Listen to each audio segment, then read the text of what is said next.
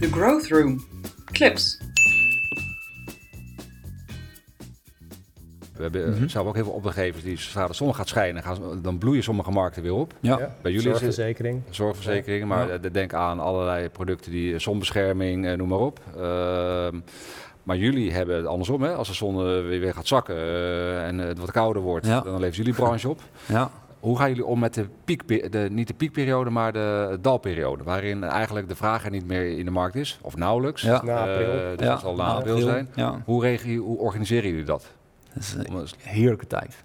Heerlijke tijd. Ja, ja, dan regeert de waan van de dag niet meer. Weet je, in die tijd hebben we ruimte. Kijk, je krijgt meer zuurstof eh, om over strategische zaken na te denken.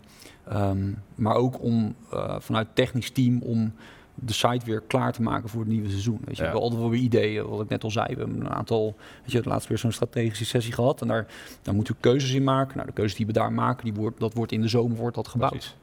Ja, dus in die zin, ehm, ja, dat die vraag krijg ik best wel vaak. Ja, wat doe je in de zomer? Ja, eh, voorbereiden op de winter. Dus Ja. de redactie is voorwerk aan het doen. We zijn de site eigenlijk volledig aan het updaten en checken. Dus in, Ga je dan de markt in? Ga je dan zeg maar, gaan, gaan dan redacteur of jullie eh, extra eh, onderzoek doen? Of ga je het community helemaal uitpluizen? Eh, zijn dat soort werkzaamheden die Nee, je nee, ja, uh, moet zien? Of? je kan het ook zien in bijvoorbeeld te checken of alle pistekilometers nog kloppen. Dat is een hele Ja, basale precies. ding. Ja. Maar het, het kan ook zijn dat we bijvoorbeeld, oké, we hebben een nieuw thema. kunnen we daar bepaalde content over gaan maken? Kunnen we die content nu al schrijven? Of moet dat echt in het seizoen gebeuren? Dat je eigenlijk gewoon een stuk voorwerkt daarin. Ja. Ehm, kijk, wat nu, eh, het is nu januari. Dus in januari tot met maart is de periode dat we echt op pad zijn naar de Alpen. Waar iedereen zijn eh, informatie verzamelt. Ja. Maar straks eh, vanaf ja, midden april, dan heb je weer gewoon ja, de tijd om, om alles wat je, alle ervaringen Ja, die je maar dan tijdens het seizoen hebt opgedaan, om die weer te gaan verwerken voor volgend seizoen. Ja.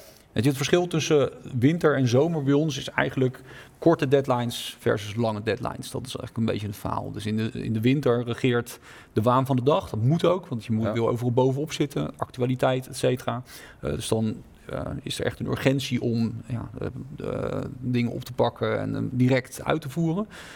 In de zomer is het een ander verhaal. Weet je, daar heb je gewoon de, de grotere plannen die je hebt. En daar heb je, ja, de deadline ligt verder in de toekomst. Ja. En dan heb je dus daar wat meer, ja, wat meer rust en, eh, om daar naartoe te werken. Ja, lekker. Kan me voorstellen. Maar hebben jullie dan ook een echt een, een freeze, zeg maar, het, op het moment dat wintersportseizoen weer begint? Van eh, oké, alle technische zaken moeten dan echt opgelost zijn. Ik noem maar wat eind november als de eerste pistes weer open gaan. op papier wel, ja. Ah, oké. ja, ja. In de praktijk is dat natuurlijk allemaal weer fluïde. Maar Ja. ja, normaal gesproken is het zo, weet je, als, ehm, als de zomervakantie voorbij is, dan zien wij de traffic. Dan begint het weer, weet je. Mensen, Ja. kinderen gaan weer naar school en mensen denken, oké, ik moet zomer de, de, wintersport gaan boeken. Ja. En dan zie je het eh, bij ons weer gaan stijgen.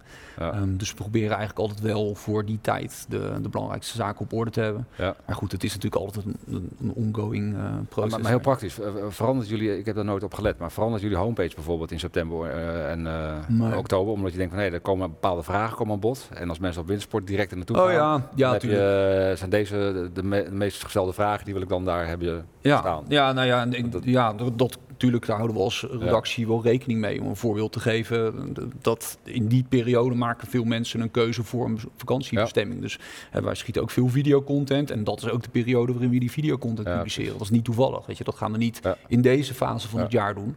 Hier zit je veel meer in de, op de actualiteit, eh, wat er nu in de Alpen speelt. Hè, dus ja, daar maken we een, eh, dus weet je, wel, op het woord customer journey dan toch maar te gebruiken.